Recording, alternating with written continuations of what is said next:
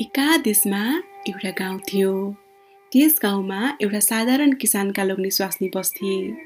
साथमा किसानकी बुढी आमा पनि थिइन्।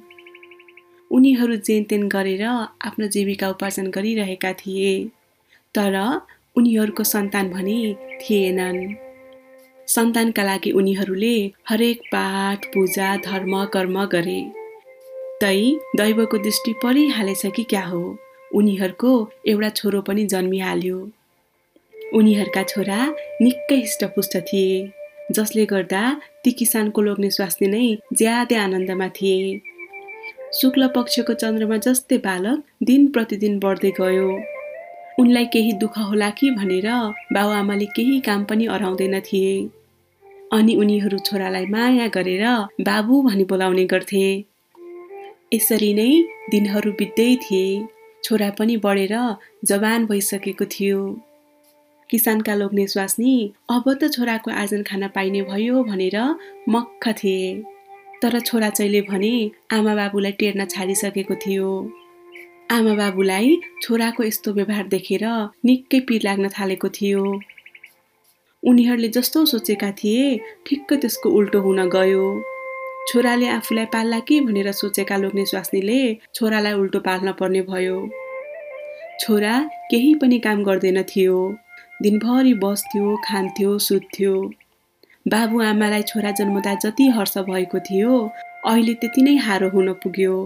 एउटा छोरा न केही भन्न नै सक्थे न केही गर्न नै सक्थे। दुवै किसानका लोग्ने स्वास्नीले हार खाएर छोरालाई हरन्ते भनेर पुकार्न थालेका थिए। एक दिनको कुरा हो। पुष माघको महिनामा राति पानी परेकोले असाध्यै जाडो भएको थियो। किसान भने घर छाउने हतारमा थिए। दिउँसो भइसकेकोले भेडाहरू खोरमा बिहा बिहा गर्न लागिसकेको थियो। भेडा चराउन जाने मान्छे पनि कोही भएन। हरन्ते भने मस्तले सुतिरहेको थियो। भेडाको यस्तो अवस्था देखेर बाबुचाइले भन्यो ए हरन्ते जान एकछिन भेडा लिएर चौरमा डुलाएर लिएर हेर ती भेडाहरूको आपत मलाई घर छाउन पर्यो फुर्सद भएन। यति भनेर बाबुले हरन्तेलाई बोलाएर भेडा चढाउन पठायो र आफू भने छाना छाउने काममा लाग्यो। हरन्तेले पनि भेडा फुकाएर खोरबाट निकाल्यो र वनतिर लाग्यो। वनमा पुगेर भेडाहरू चढिरहेकै थिए। हरन्ते चाहिँ बोटमा चढेर खुब अमिलो खायो। अनि बेसरी पानी पनि पियो। पहाडी ठाउँ अनि जाडोको बेला। अब घाम पनि ओह्रालो लागेकोले जाडो बेसरी हुन थाल्यो। हरन्ते थुरथुर काम्न थाल्यो। अनि उसले मनमनै विचार गर्यो मैले लुगा लगाएर त यस्तो जाडो भएको छ। झन् यो भेडाहरूलाई कति जाडो भएको होला। दयालु तर बेहोसी हरन्तेले भेडाहरूलाई आगो बालेर न्यानो पार्ने सुर कस्यो। र वरिपरिबाट खुस्यान झिजामिजा बटुलेर भेडाहरू चलिरहेको पाखोमा आगो लगाइदियो। पखेरामा खुस्यान प्रशस्त भएकाले आगो दन्कन थाल्यो र सबै पखेरा आगोले सखाप पार्यो। आगोको झोकमा परेका बिचरा भेडाहरू भुरी ठड्याउँदै सधैँका लागि निधाए भुरी ठड्याएर दाँत निचिक्क परेको भेडाहरू देखेर हरन्तीले सोच्यो ओहो भेडाहरू त खुब अगाएछन्। अनि न्यानो पाएर खिस्सा हाँसेछन्। आज त खोरमा पनि जान खोज्दैनन्। यही जङ्गलमा बस्ने विचार गरेछन् कि क्या हो? भएन यिनीहरूलाई त बाँधेर भए पनि खोर लैजान पर्छ। यति सोचेर एक एक गरेर बोक्दै उनले भेडाहरूलाई खोरसम्म पुर्याए बसी बसी खाएको हरन्तेलाई भेडा ओसार्न केही ठुलो कुरा भएन। भेडाहरू ओसार्दा ओसार्दा छमक्क रात परिसकेको थियो। आज यो हरन्तेले भेडाहरू कता लगेछ? यति बेलासम्म पनि फर्केको छैन भनेर बाबु चाहिँ पिर मानिरहेका थिए। यतिकैमा हरन्तेले भेडाहरू सबै खोरमा फाली सिद्ध्याएर घर आए। बाबु चाहिँले सोध्यो ए हरन्ते यति बेलासम्म भेडाहरूलाई कहाँ लगेको थिइस्? सबै ल्याइस्? हरन्तेले जवाफ दियो बा आज त सदाको जस्तो कहाँ हो र? ओहो भेडाहरू त डम्म अगाएर हिस्स परेर हाँसेका छन्। अगाएर हिँड्न पनि नसकेर मैले सबैलाई बोकेर ल्याएर खोरमा राखेको छु अनि सबै सुतिसके। अनि बाबुजैले विचार गर्यो ए भेडाहरू कस्तो अगाएछन् त? भेडा त हाँस्दैनथे आज कसरी हाँसेछन् यति सोचेर खोरमा गएर हेर्छन् त सबै भेडाहरू डढेर सखाब हरे धिक्कार छ यो हरन्तेलाई हेर भेडाहरूको सत्यानाश। यति भन्दै बाबु त्यही मुर्छा परे। यत्रो सम्पत्ति नोक्सान भएको देखेर बाबुचालाई रातभरि निन्द्रा लागेन। हरन्तेलाई धुमधाम गाली गर्यो। कार्तिक महिनाको दिन थियो। घरमा भैँसी बिहाएर बाबु चाहिँ भैँसीको सुसार गर्न व्यस्त थिए। अनि आजै खेतमा पानी कटाउनु पर्ने पालो थियो। अनि बाबु चाहिँले मनमनै सोचे आज पानी फर्काउन जाने मान्छे पनि कोही भएन। अरू काम त हरन्तेले गरेन गरेन। यति काम त गर्न सक्ला। अनि त्यसपछि हरन्तेलाई बोलायो ए हरन्ते जा जा हेर त। मलाई भैँसीको सुसारले फुर्सद मिलेन। त गएर खेतमा पानी लाएर आइज। आज हाम्रो पालो हो पसाउन लागेको धान बिग्रिएर जाला फेरि। अनि हरन्ते पनि पानी लगाउन भनेर खेततिर हिँड्यो। खेतमा पुगिसकेपछि आली थुनेर पानी आफ्नो खेतमा लगायो। त्यसपछि यसो खेततिर हेऱ्यो धान भर्खरै पसाएको थियो। साथमा थुप्रै फुलहरू लागेको थियो। अनि हरन्तेले विचार गर्यो ओहो पानी लगाएर मात्र के गर्ने? सबै धान लिखाले खाइसकेछ। यत्तिका लिखाले खाइसकेपछि त धान काम लाग्दैन। अब यी लिखालाई कसरी मार्ने हो? यति सोचेर हातमा एउटा लौरो लिई भर्खरै फुल लागेको धानलाई जम्मै लौरो हानेर सखा पार्यो। अनि जम्मै धानका फुलहरू झारेपछि घर फर्कियो। घर पुगेपछि बाबु चाहिँले सोधे ए हरन्ते पानी हालिस्? हरन्तीले जवाफ दियो हाले बा हाले। पानी मात्र हालेर के गर्नु? धान जति सबै लिखरे खाइसकेको रहेछ। बल्ल बल्ल लिख जति सबै मारे। अब त राम्रो होला।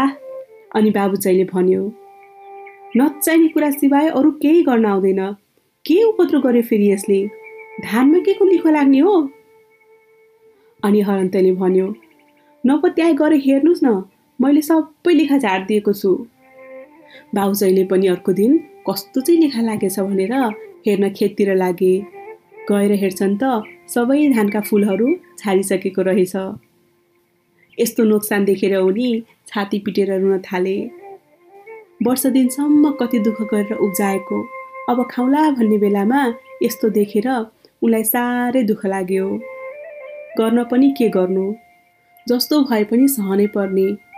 सुई सुस्केर फाल्दै उनी घर आइपुगे। अनि बाबुआमा दुवैजना मिलेर हरन्तेलाई नराम्रोसँग झपारे। यसको केही समय पछिको कुरा हो। हरन्ते कतै घुम्न गएर घर आएको एक हप्ता जति भएको रहेछ। माघे सङ्क्रान्तिको दिन थियो। घरबाट केही पर छल्बी खोरा पर्थ्यो। मानिसहरू धेरै टाढाबाट त्यहाँ नुहाउन भनी आउँथे। अनि हरन्तेका बाबुआमाले पनि खोलामा गएर नुहाउने निदो गरे। तर बुढाबुढी दुवैजना गइसकेपछि बुढी आमालाई कसले खुवाइपियाइ गर्ने? अनि आमा चाहिँले भनी हरन्ते छँदैछ नि। बुढी आमालाई खुवाउन त सक्ला। त्यसपछि हरन्तेका बाबुले भन्यो यति काम त पक्कै पनि गर्न सक्ला। अनि हरन्तेलाई बोलाएर भन्यो ए हरन्ते लौ बुढी आमालाई भोक लाग्यो भनेदेखि चुलामा भात राखेको छ खान दिनु। हामी तल खोलामा गएर नुहाएर आउँछौँ। हरन्तेले पनि ए त्यति जाब काम हुन्छ हुन्छ जानुहोस् म गरिहाल्छु नि भनेर जवाफ दियो। र त्यसपछि दुवैजना बुढाबुढी नुहाउन पनि खोलातिर हिँडे। हरन्ते चाहिँ हजुरआमा चाहिँलाई गएर सोध्यो आमै भोक लागेको छ भने भन्नुहोस् है म खानेकुरा ल्याइदिन्छु। अनि त्यसपछि बुढी आमैले भनिन् आज माघे सङ्क्रान्तिको दिन मान्छेहरू कहाँ कहाँ पुग्छन्? ननुहाई के खानु? तातो पानी तताएर भए पनि नुहाउनु पर्यो। हिँड बाहिर लैजा नुहाइसकेपछि मात्र खाउला। हरन्तीले बुढी आमालाई बोकेर आँगनमा लग्यो। आँगनमा नुहाउनका लागि तातो पानी बसाल्यो। त्यसपछि त्यो बेहोसी हरन्तेले पानी भक भक उमालेर बुढी आमाको थाप्लोबाट खनाइदियो। त्यस्तो तातो पानी खनाएपछि बुढी आमा के बाँच्थिन्? सधैँका लागि संसारबाट बिदा लिइन्। बेहोसी हरन्तेले जिउँदो मरेको केही मतलब ठानेन बरु खुब मिची मिची नुहाइदियो र त्यसपछि बोकेर लगी पिँढीमा अडेस राखिदिए। र त्यसपछि हरन्तेले भात लगेर हजुरआमा चल्या खुवाउन थाल्यो। बिचरी मरेकी बुढियाले के भात खान्थिन्? अनि हरन्तेले मनमने विचार गर्यो ओहो आज त आमालाई खुब सन्चो लागे जस्तो छ। अहिले त खाना पनि खान खोज्दिनन्। हिस्सा हाँसेर मात्र बसेकी छिन्। अनि हरन्तेले तमाखुको नली मुखमा लगाइदियो। केही बेरपछि आमा बुबा दुवैजना खोलामा नुहाएर फर्किए। अनि हरन्तेलाई सोध्न थाले ए हरन्ते आमैको सुसार गरिस् अनि हरन्तेले जवाफ दियो भर्खर त भ्याएको सुसार गरेर तातो पानी तताएर नुहाइदिए। आज त आमैलाई निकै सन्चो भएछ। तमाक मुखमा हालेर आनन्दले बसिराखेकी छिन्। भात पनि खान खोज्दिनिन् अनि बाबु चाहिँलाई आश्चर्य लागेर हेर्न जान्छ त आमा मरिसकेको रहेछिन्।